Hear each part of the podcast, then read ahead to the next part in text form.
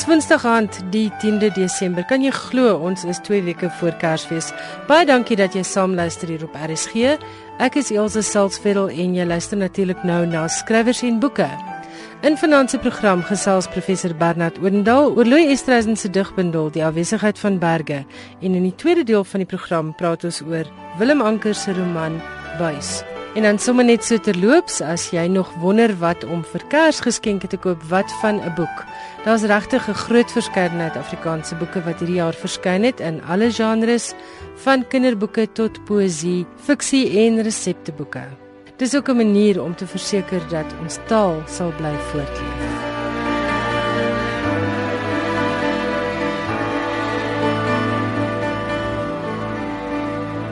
My ateljeegas vanaand is professor Bernard Oudendal. Nou Bernard is die direkteur van die ATKV skryfskool van die Noordwes Universiteit. Baie welkom en baie dankie dat jy tyd gemaak het om met ons te kom praat oor Louis Estreisen se bundel Die afwesigheid van berge.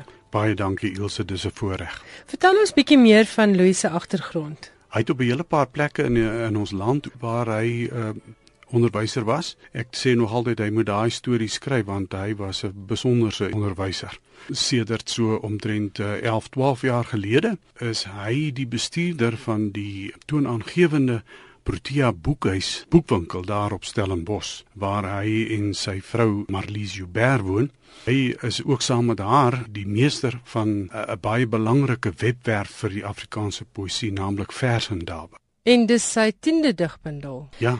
Ek sien hy het gedebuteer met Stilstype in 1986 en jy het nou net vir my gesê hy doen so elke 3 jaar gee hy 'n bundel uit. Ja, dis reg. Kom ons praat oor die afwesigheid van berge wat vroeër vanjaar by Iman en Rousseau verskyn het. Nou jy self 'n digter en jy is 'n dosent in die skryfkuns. Dis hoekom ek jou gevra het om met ons oor Louise se werk te kom praat. Wat het vir jou uitgestaan van ja. hierdie bundel? Dis sy 10de digbundel. Jy weet dis 'n uh, uh, as dit ware 'n afgeronde getal uh, op op 'n manier. En 'n mens sien dit ook 'n bietjie. Ek dink Louis het dit ook so gesien want jy kry talle terugverwysings na na sy vorige bundels in hierdie ene. Hy skryf oor baie onderwerpe. Twee wat nogal vir my uitstaan so in die afgelope 10, 15 jaar is eerstens wat 'n uh, ek miskien sal noem gedigte waarin hy 'n maatskaplike gevoeligheid, 'n sosio-politieke hmm. betrokkenheid of bewustheid uitdruk. En dan die ander groot tema is die van die liefde, die erotiese liefde. En die twee temas is ook toe die twee belangrikstes in hierdie digbundel. Mens sien reeds iets daarvan in, in die opdragte want dis opgedra enerzijds aan Marlies Joubert, sy geliefde mededigter Gade, en dan die ander opdrag is aan Chris. Dis nou Chris Koelsma, 'n Nederlandse vriend van Louis. En daar staan by die opdrag wat hom gevra het hoe dit is om hier te leef. Dis nou hier in Suid-Afrika. En dis dan nou daar waar die maatskaplike gevoeligheid en die sosio-politieke element inkom. Dis heeltemal korrek. Want dis juist daai vraag van sy vriend Chris wat Louis eintlik probeer beantwoord ek dink in hierdie digbundel, maar nie so seer aan Chris nie, eintlik aan homself, aan hom hmm. wat digter self is. En daarom vind 'n mens dat die bundel eintlik op 'n manier vir groot stukke, jy weet, lyk soos gedagtespraak waar jy die die binnengedagtes uh die na binne toe praat met homself redeneer kry. En dit verklaar ook so 'n bietjie iets van die voorkoms van die gedig of hoe hy aan mekaar gesit is, want hy maak nogal so 'n brokkige indruk. Jy weet dit verspring ja. so van die een tema na die ander.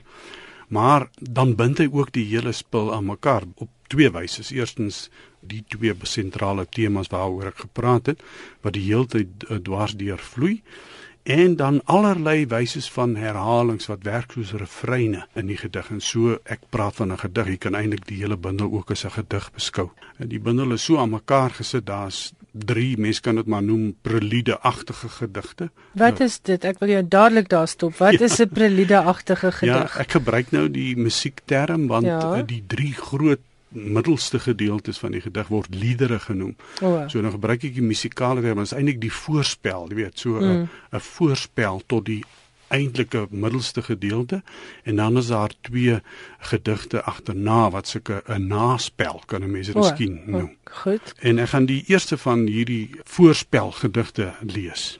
Asseblief ja. Hoe kan jy vertel hoe dit is? Die straat blink wit geskrik een middag laat toe die man aan die bopunt verskyn. En die groepie seuns met 'n kartondoos vir paaltjies nog altyd krieket speel in die pad.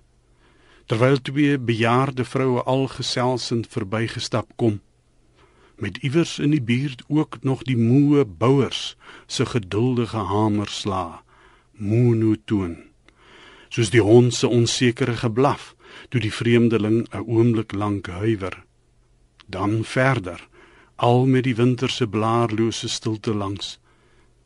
Dit is hoe dit is in die tuin waar 'n skeefgedrukte boom houding probeer vind teen aanklagte van heersende wind.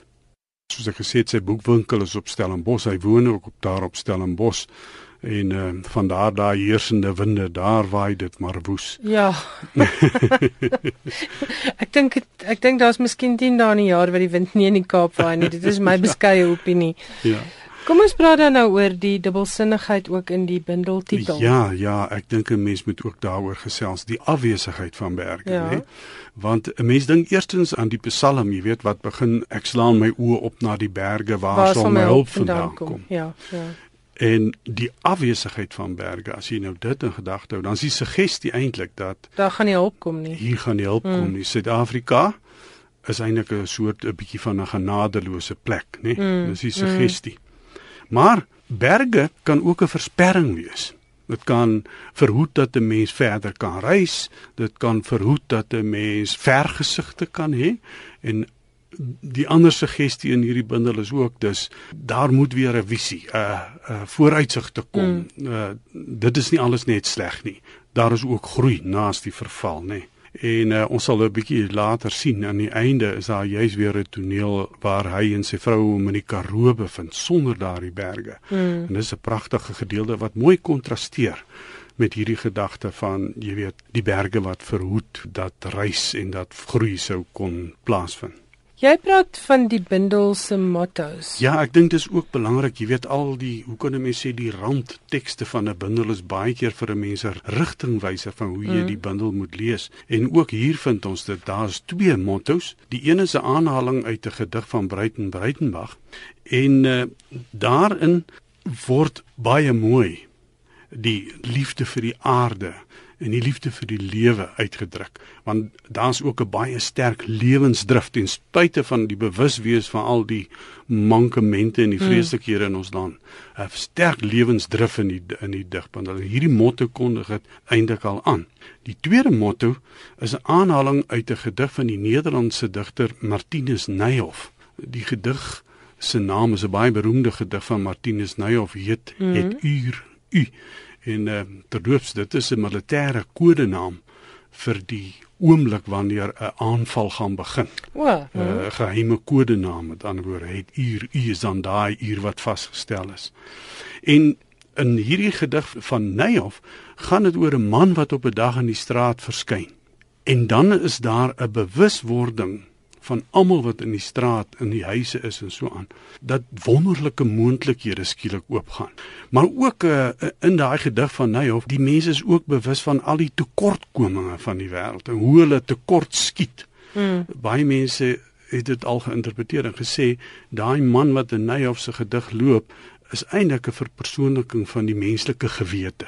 En uh, wat ons van sowel die wonderlike moontlikhede as ons tekortkominge bewus maak en dan ook skuldgevoelens by ons wek. En dis ja. dinge wat in hierdie bundel van Louis ook voorkom. Van die openingsgedig tot uh, in die tweede laaste gedig wat ek hoop ons so 'n bietjie later ook sal kan lees. Ja, asseblief, jy moet vir ons so lees wat later. jy geniet het en ook wat vir jou die bundel ja. toelig. Ja. Miskien moet ons begin by daardie uh, prelude agtige gedigte. Daar's 3 van hulle. En as 'n mens hulle lees in die digbundel as geheel dan daarna lees, dan sien jy eintlik dat die drie belangrike temas waaroor geskryf word eintlik in daai prelude gedigte aangekondig word. Die eerste een is dan daai ding van iets beslissends wat gaan gebeur of sou kon plaasvind, né? In Suid-Afrika se geskiedenis en in Louis se persoonlike lewe is die implikasie dus daar is 'n beslissende moment vir ons almal, mm, né? Mm. En miskien is dit nou, is die suggestie. Die tweede gedig gaan oor die nood van die mensdom in Suid-Afrika maar ook in die breë. En dan in die derde gedig is dit die troos wat die liefde bring wat Mm. voorop staan. En dis die drie goed wat so deurvleg dwarsteers die die drie langer middelgedigte. Ja. Hulle is baie interessante gedigte. Terloops, nie een van die gedigte in die bundel het 'n titel nie wat natuurlik pas by die hele gedagte dat dit hier gaan oor nadenke oor gedagtespraak, jy weet, Mm, dis nie mm. met hoefies En uiteindelik wat jy sê dat die die bundel self een lang gedig een vorm. lang gedig vorm, ja. Maar die drie middelste lang liedere, soos hulle genoem word, hulle begin soos volg. Die eerste ene, 'n bedevaartslied om kwart voor 3. Die tweede ene, 'n hooglied onverwags. En dan die derde een, 'n danklied om kwart voor oulaas. Ja, jy kan nie die liedere tema miskyk nie, Jy né? kan dit nie miskyk nie. Nee. En dis duidelik dat die drie gedigte soos ek gesê, die voorafgedigte, die hooftemas as jy kyk bedevaartslied, hooglied, danklied, nê. Nee, dit kondig die belangrike temas wat dwars deur die bundel loop aan. Nou in al drie die afdelings eh, vind 'n mens dat uh, sowel die hede as die verlede van Louis Esterhuizen, maar ook van Suid-Afrika ter sprake kom. Dit word ondersoek as dit ware deur middel van herinneringe wat opgeroep word waarnemings wat in die hede gemaak word visioene wat uh, na vore tree miskien oor die toekoms nê en ook allerlei aanhalings uit is nie net Louis se eie gedigte nie maar ook 'n hele klomp ander gedigte en 'n hele klomp ander tekste waaronder die Bybel nê en uh, in al hierdie dinge wat opgeroep ons hoor ons in die eerste plek die digter se stem Maar dit is baie interessant. Hy praat nie van homself as 'n ek nie. Hy noem homself 'n jy. As ons nou nou van die gedigte lees, sal mense dit hoor. Ehm um, ek sal nou 'n bietjie ietsie daaroor sê, maar daar is ook ander stemme wat omklink. Partykeer in die in die verskeidenheid tale van ons land, nê. Mhm. isiZulu, isiXhosa, grepe Sesotho en Setswana wat 'n mens hoor, naas die Afrikaans en ook Engels. En dit ek dink dit alles sê vir ons, dit is 'n individuele ondersoek, maar dis ook 'n kollektiewe ondersoek. As Suid-Afrikaner ondersoek hy ons hier en nou op 'n manier. En daarom die, die jy is eintlik dis baie sinvol want hy neem eintlik so 'n bietjie van homself ook 'n afstand, nee, Ja. en beskou homself van buite. En dan word dit alles baie mooi saamgevind deur deur herhaling soos ek nou al gesê het. Jy weet soos in 'n lied waar 'n mens ook refreine kry. Ja. Kry Die, die jy- koorgedeelte. Dan kry jy dat dat sulke refreine, gedeeltes wat herhaal word wat soos refreine werk inderdaad dat hy dan liedagtig aandoen die die gedigte. 'n Ander opvallende ding is dat daar 'n spanning is wat dwars deur die bundel volgehou het. Een kant sê nou maar wanhoop teenoor hoop, die aaklige teenoor die skone, tussen vernietiging aan die een kant, maar ook die moontlikhede van nuwe groei. Dikwels word verwys na die horlosie wat op kwart voor 3 staan. Ons het dit Mhm. nou nog gesien as die aan die begin van die Van die van die eerste Mhm. lied, nê. Nou dis die tyd van die dag wanneer die twee arms van die horlosie, nê, die twee wysers teenoor mekaar horisontaal staan, nê. Mm. amper soos die twee stange van 'n weegskaal. Mm. En inderdaad gaan dit hier oor 'n moment waar gevoel word nie net die individu nie, maar ook ons land is as ware in die menslike lot in die breë is in die weegskaal. En soms lyk dit of dit dalk te laat kan word vir 'n positiewe wending. Ja, want kwart oor uh, kwart voor 3 is redelik laat in die dag. As dit nou kwart oor 9 was, dan was Dan was dit nou weer vroeg in redelik die dag. vroeg in die dag. Ja. Dan was daar nou nog baie tyd oor. Ja. En dan sien ons dat byvoorbeeld dat daai laaste lied begin met met die tydsaanduiding kwart voor oulaas, nê? Ja. Sodat dit dalk te laat kan word vir 'n positiewe wending. So is die suggestie. Maar miskien is dit nou tyd dat ons liewer na die gedigte self Ja, lees eh, vir ons. luister hier. Wat gaan jy vir ons lees? Ek gaan vir ons daar uit daai bedevaartslied gaan ek vir ons eh, 'n uh, gedeelte lees naby die einde daarvan. Ja. En dit gaan so. In 3 dae is die tempel afgebreek en in dieselfde tyd weer herbou, vertel die prediker. Die toring en pilare, alles wat boontoe punt, tot die grond toe gesloop. Die kusyne en vensterrame uitgebreek en weggedra na waar dit herverdeel is 3 dae later. Nou is gebreekte glas die belofte in jou hand met die son 'n dooie versigtiging bedags die maan snags net te vermoede agter die gordyne van heel gewaande rus. Nou is die tyd. Nou. Met 'n wolk wat knalwit uiteenskiet asof dit ook nog gesterf wou wees toe die man in die straat verskyn en almal die hele linie langs weet sterftyd is dit nou. Die slag is op hande. Kinders kruip verder weg in die bosse langs snelweë maar niemand sien die rooi aan hul klere nie. Doodstil lê hulle agter klippe agter pilare onder brûe en wag om later uitgesniffel te word. Eenkant staan die werkers in los bondels en gesels. Party rook goue sigaret, ander drink uit blikbekers tee. Gereedskap lê ongeërg neergegooi langs die pad en wag om later weer van watter nut ook al te wees wanneer die skofbaas onverwags in die straat verskyn en die stilte soveel meer word as die afwesigheid van klank 'n stilte oorverdowend in dit wat nou hoorbaar word met elke tree wat asof in stil spoed die skrikse ritme al hoe wyer om hom heen laat klink. En 'n groen grashalm by die hoekpaal beur omhoog tussen klip en droë stof. 'n enkele blaar wat weier om te knak of verlep te raak hier by die paal waar 'n flentertjie wit voorlopig nog die vrede wil bewaar En so kom ons om. So kom ons om in die gedagtes van 'n ander om kwart voor 3. Jy luister na skrywers en boeke en professor Bernard Oudendal van die Noordwes Universiteit gesels met ons oor Louis Estreisen se digbundel Die afwesigheid van berge.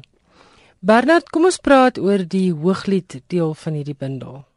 Ja, en juist in die agtergrond van die stuk wat ek nou gelees het, is dit dan baie treffend en baie mooi as daar op 'n stadium in daai hooglied gedeelte iemand anders in die straat verskyn.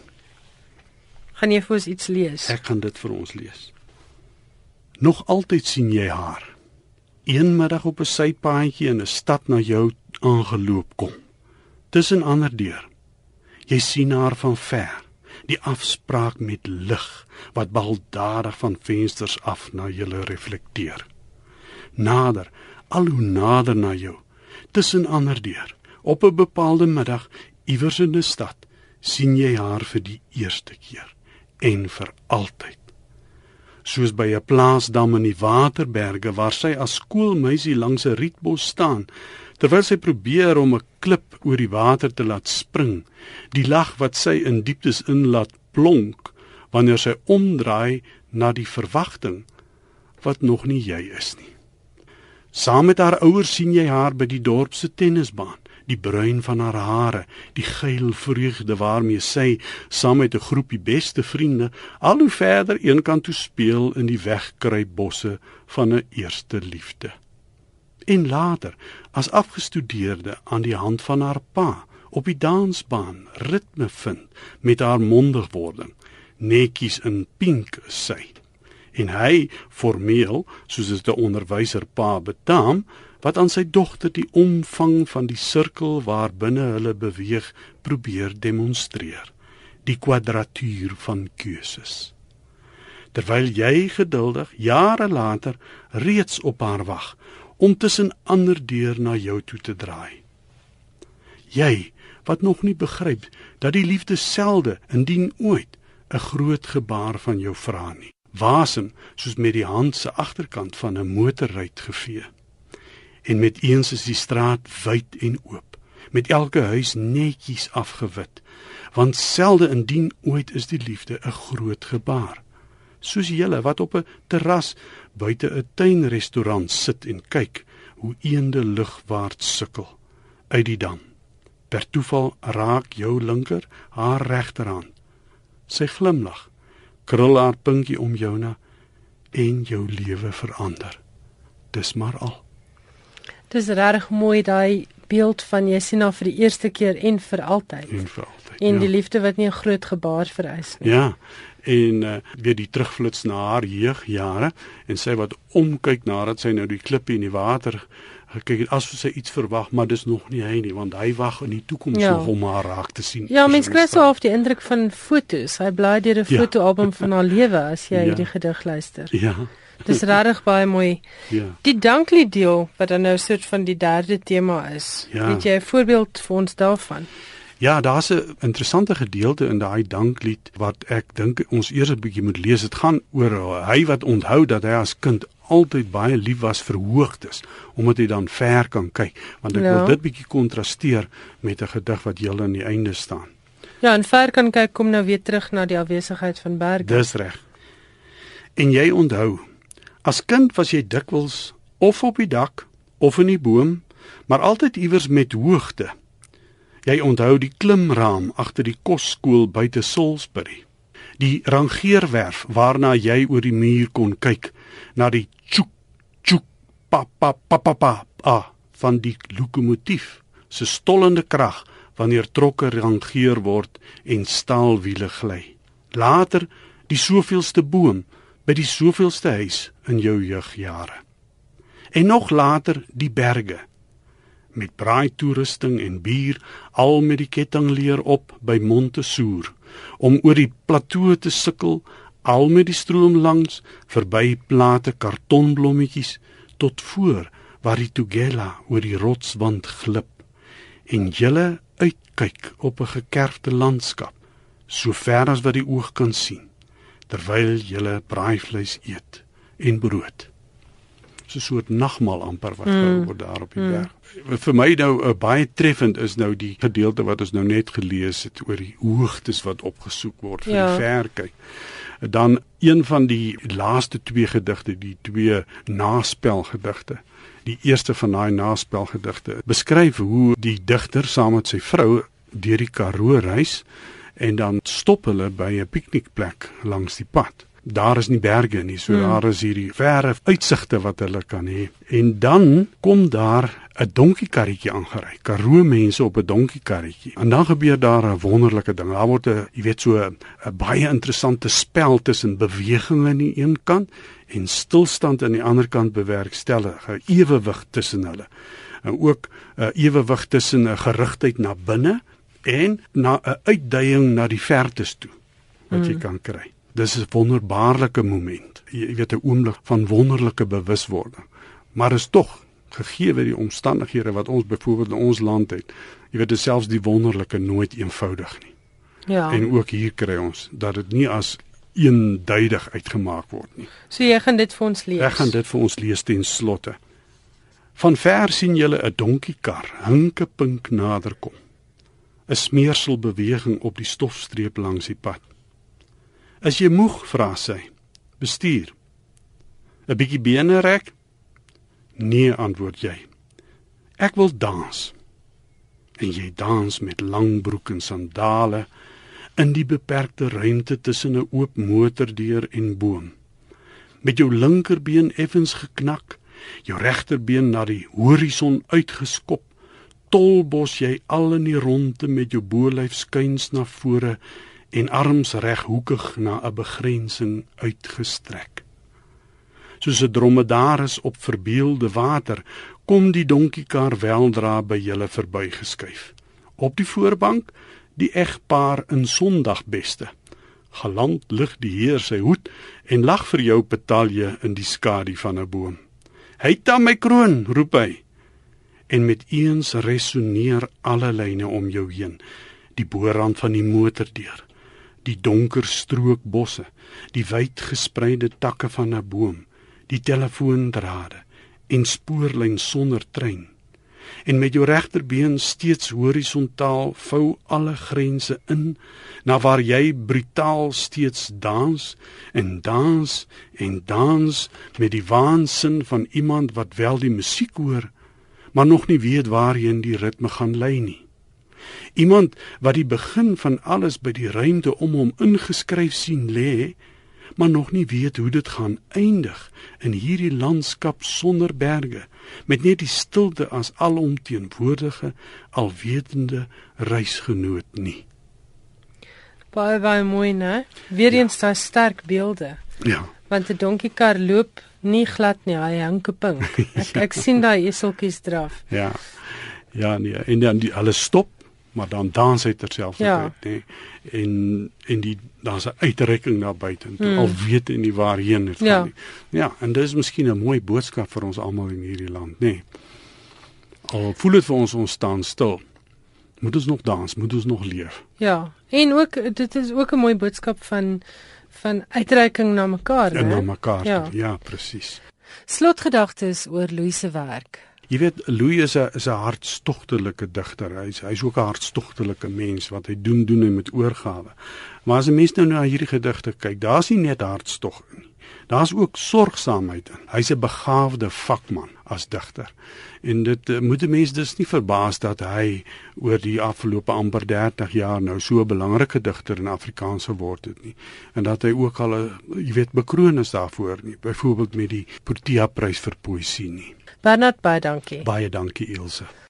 Dit was die stem van professor Bernard Odendaal, die hoof van die ATKV skryfskool aan die Noordwes Universiteit. Hy het met ons gesels oor Louis Estreisen se bundel Die afwesigheid van berge. Dit is uitgegee deur Iman en Resou en kos R170.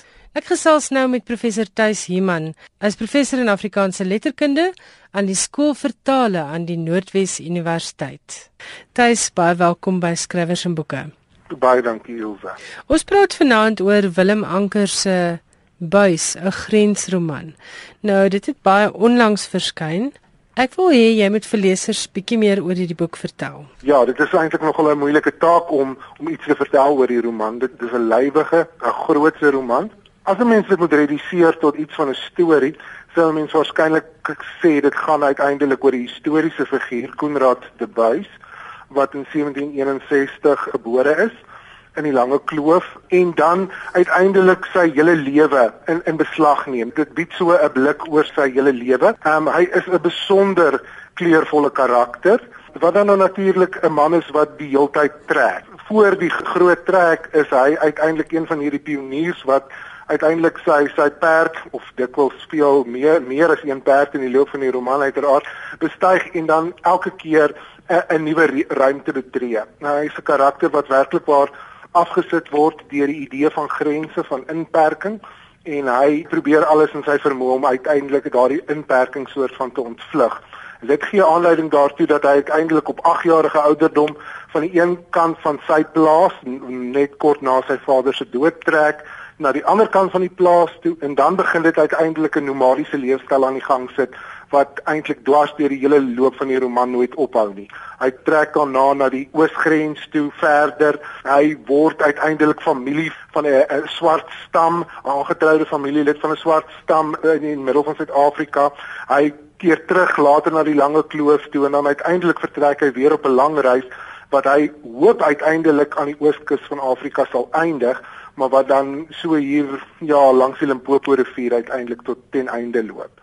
Het De Buys regtig geleef? Ja, dit is 'n historiese figuur. Hy is 'n historiese figuur wat uiteindelik redelik beperk word tot 'n paar paragrafies, dikwels regtig net 'n paar onaangename verwysings in uh, geskiedenisboeke. En ek dink wat ehm um, Willem Anker self ook sê is dat hy 'n boek beplan het met 'n hele klomp sogenaamde outlaw figure, voelvry verklaarde figure. En hy toevallig uh, gelees van Konrad de Buys, ehm um, so via uh, die werk van Max de Pre van hom kennis geneem en uiteindelik ook iets gelees waarin uh, iemand geskryf het hoekom is daar nie meer oor hierdie baie interessante historiese karakter geskryf nie. En ek dink dit was die die feit dat hierdie karakter eintlik al met die loop van tyd 'n tipe van 'n uh, ja, legende geword het wat hom dan nou natuurlik aangespreek het. Ek klink nou asof ek so 'n bietjie van 'n psigoloog is. Ehm um, maar in 'n geval, ehm um, wat hom dan aangespreek het om om uiteindelik hierdie roman te skrywe. En hy sê ook dat dat hy baie gou besef het dat dit 'n verskriklike omvangryke taak gaan wees en toe hy uiteindelik die beurs die Marjorie Wallace Janarabi studiebeurs ontvang het van die Universiteit van Wes-Kaapland het hy toe genoeg tyd en daarom uiteindelik ook die die finansiële middele gehad om uiteindelik hierdie projek dan nou jy weet werklik waarop dreef te te kry. Dit klink nou vir my asof die buis 'n totale rebel was wat nou heel anders is as die prentjie wat ons as 'n reël van die voortrekkers geskets kry. Ons kry die idee van goeie rebelle soort van om die Engelse uitdrukking te gebruik rebel with a cause, maar maar die buis klink nou vir my na een van daai ouens wat jy in die Wille Weste kry wat net nie hou van die normale dinge en die normale plekke nie en wat voortdurend trek. Jy is heeltemal reg in jou taksering Ilse. Dit is 'n karakter wat pragtig beskryf word eintlik as 'n bymekaar bring van onoplosbare teenstrydighede. Dit is 'n dit is regtig 'n karakter wat enige vorm van etikettering uiteindelik probeer ontwyk of of doelbewus ontwyk. Uh dit is regtig net wanneer jy dink jy kry verbuis raak gevat dan glip hy baie glibberig weer onder 'n mens se se vingers of onder jou lesers oë uit. Dit is definitief 'n karakter wat deur die loop van die geskiedenis uiteindelik onder verskriklik baie klein etikette, jy weet, tuis gebring is. Ek meen hy was 'n veelwywer, hy was 'n rebel, hy het homself 'n patriot genoem. Ek meen hy was eintlik alles wat 'n mens 'n soort van nie sou verwag of assosieer met die tipiese onkreukbare tipe van voortrekker persone wat baie mense in hulle gedagtes het nie. En ek dink in daardie opsig is jou opmerking dat dit 'n tipe van 'n wilde weste gevoel het 'n baie interessante een. Die subtitel van die roman is 'n grensroman. Nou wanneer 'n mens in Afrikaans so 'n tipe subtitel lees of 'n neuwetitel, dan is jou verwagting natuurlik dat die roman gaan oor die Angola Bosoorlog. Ja, die, die grensoorlog wat ons ken. Ja. En dit is glad nie die geval nie. Dit is uiteindelik 'n roman wat gaan oor eintlik koloniale grense en die oorsteek van koloniale grense. En in daardie opsig um, hou dit eintlik meer verband met die sogenaamde amper frontier letterkunde, die grensletterkunde van van Amerika, die Wilde Weste verhale en daardie tipe van voelvry verklaarde spioniers tipe karakters wat jy kry. Dit sou baie interessant wees om die roman in terme van daardie tipe van letterkunde ook te gaan lees. Jy het vir my gesê toe ons vroeër hieroor gepraat het dat bys jou asem weggeslaan het. Hoekom? Wat is so besonders aan hierdie roman van Willem Anker? Weet jy ja, dit dit is ek dink wat wat ongelooflik is is Anker se vermoë om in hierdie roman so 'n onbekende maar so 'n groter as lewensgroot karakter te neem en hom dan nou natuurlik die hoofkarakter van 'n roman, 'n stuk fiksie te maak en uiteindelik aan die een kant toe te gee dat hy hier werk met 'n legende maar nie in sy roman daardie legende probeer klein kry nie in al die betekenisse van die woord. Hy hy probeer hom nie verstaan nie, hy probeer hom nie verklaar nie, hy probeer hom nie uiteindelik op 'n manier psigoanaliseer nie. Hy vat sy leser en hy hy wys vir vir die leser op hierdie teenstrydighede, eintlik soms ook die die afskuwelikhede van Konrad de Buys en nooi jou uit homself te oordeel. So hy behou daardie element van die legende. Hy hou die legende lewendig sonder dat hy uiteindelik sy hoofkarakter, jy weet, in die in die proses eintlik minder maak. Hy gebruik hom of misbruik hom ook nie as 'n tipe van 'n politieke stelling of as 'n tipe van 'n mitologiese figuur, jy weet, een of ander Afrikaner wat vir ons iets moet leer nie, alhoewel 'n mens baie interessante afleidings kan maak.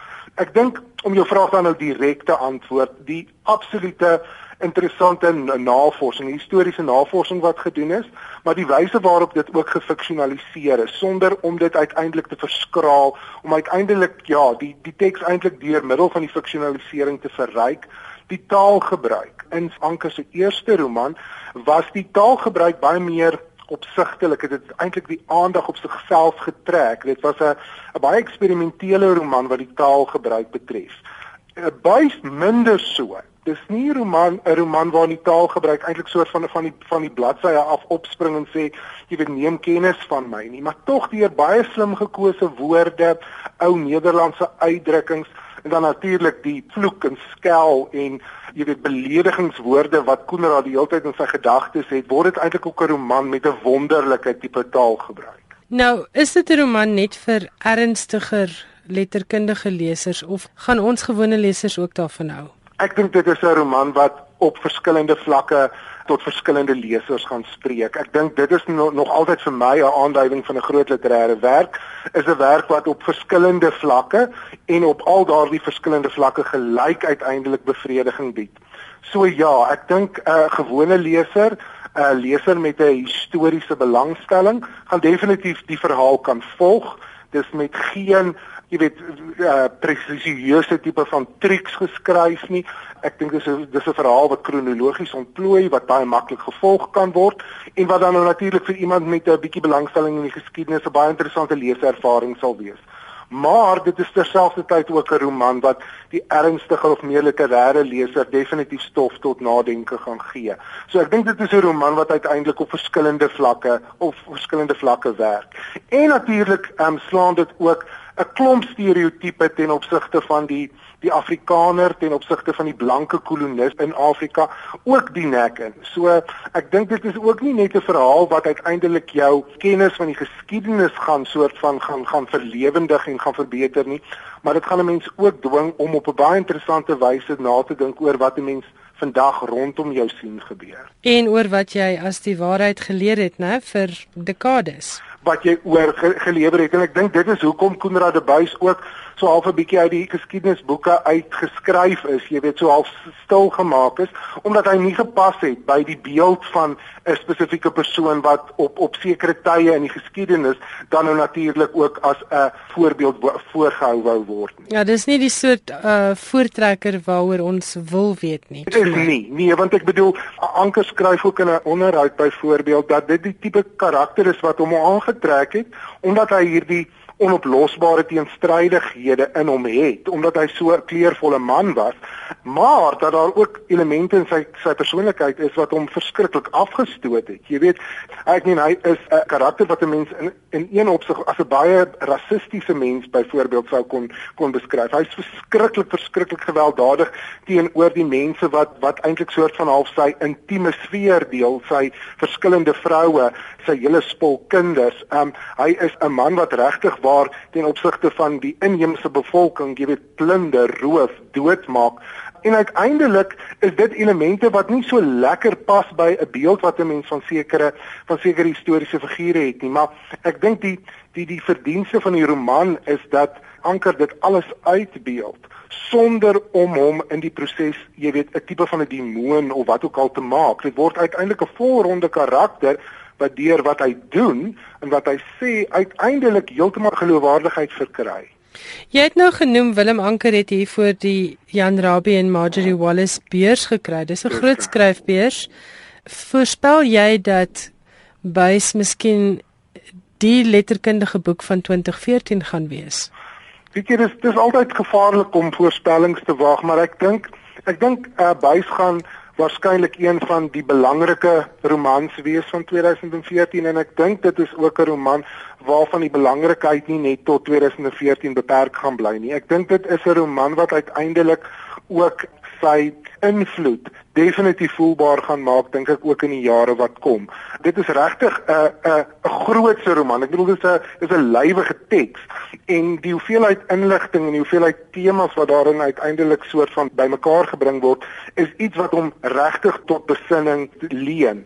'n 'n ander aspek wat ek nou nog nie genoem het oor die roman nie is die verskriklike interessante vertelperspektief. Omdat dit 'n historiese roman is, kan 'n skrywer natuurlik die stof uit verskillende perspektiewe benader en uh, Anker het iewers genoem dat hy die roman in die derde persoon begin skryf het maar dat hy toe gevoel het maar mens kry nie die stem van Koenraad de Buys nie en dat hy hom toe in die eerste persoon geskryf het. Nou 'n mens weet natuurlik dat wanneer 'n boek in die eerste persoon geskryf is is hy eintlik beperk tot daardie spesifieke karakter en wat daardie karakter dink en weet op daardie spesifieke stadium. Ja, want jy mag dan nie die alomteenwoordige verteller inbring nie. Gewoonlik gebeur dit nie, maar wat Anker doen is hy maak buis eintlik vanaf die eerste bladsy 'n alomteenwoordige ek verteller en hy noem hom ook alombuis.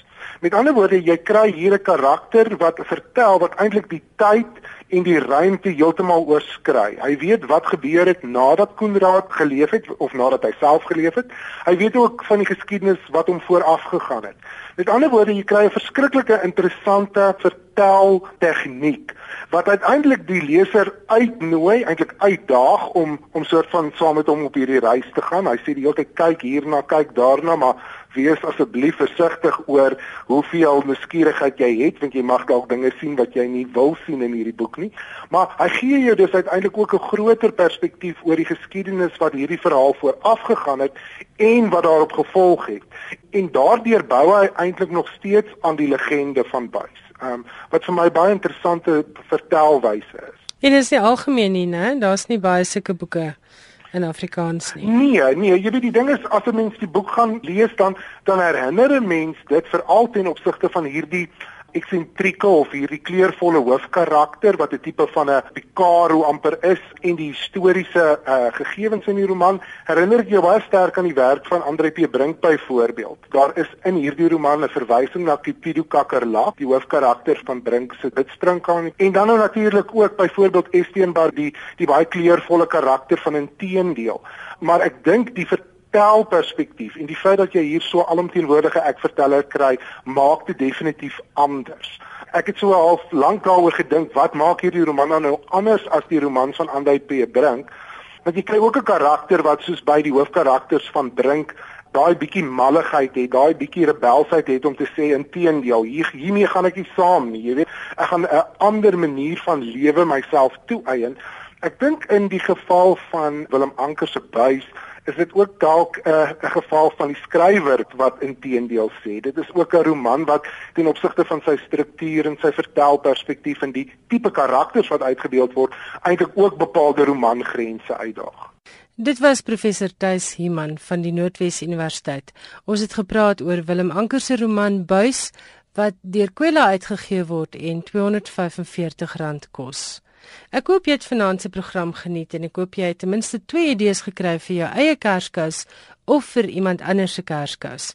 Onthou om Afrikaanse boeke te koop is om terselfdertyd 'n bydrae te maak tot die voortbestaan en die uitbouing van Afrikaans.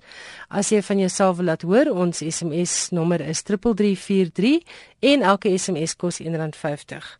As jy e-pos wil stuur, die adres is skrywersenboeke@rsg.co.za. Ek herinner net weer, ek kan ongelukkig nie help met die publikasie van enige vorm van poësie of letterkunde nie. Daarvoor moet jy direk met die uitgewer skakel. Volgende Woensdag aand kan jy gerus inskakel vir 'n heerlike onderhoud wat Suzette Kotse Meiberg vir ons in Kaapstad gevoer het met die oud uitgewer Dani Botha. Onthou, vanaand se program is ook op potgooi beskikbaar. Gaan eenvoudig na rsg.co.za, gaan na potgooi tik die program se naam in skrywers en boeke en daar sal jy dan 'n hele lys kry van al die skrywers en boeke wat op Potgooi beskikbaar is. Geniet die res van vanaand se programme en ek hoop jou vakansie begin gou. Lekker slaap.